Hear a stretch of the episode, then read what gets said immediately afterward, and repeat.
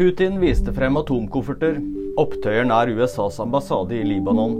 Rocky-skuespiller er død. Kreml viser fram Putins atomkofferter på Kina-besøk. Den russiske presidenten hadde med seg atomkoffertene på vei inn til et møte med Kinas president Xi Jinping.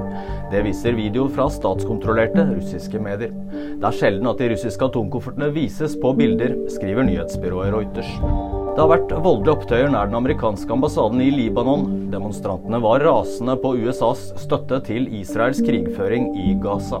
Opprørspolitiet avfyrte tåregass og vannkanoner for å spre demonstrantene. Rockestjernen Burt Young er død, 83 år gammel. Young var med i alle de klassiske Rocky-filmene og spilte Rocky Balboas svoger Paulie. Han ble også Oscar-nominert for beste birolle. VG-nyheter fikk du av Endre Alsaker Nøstad.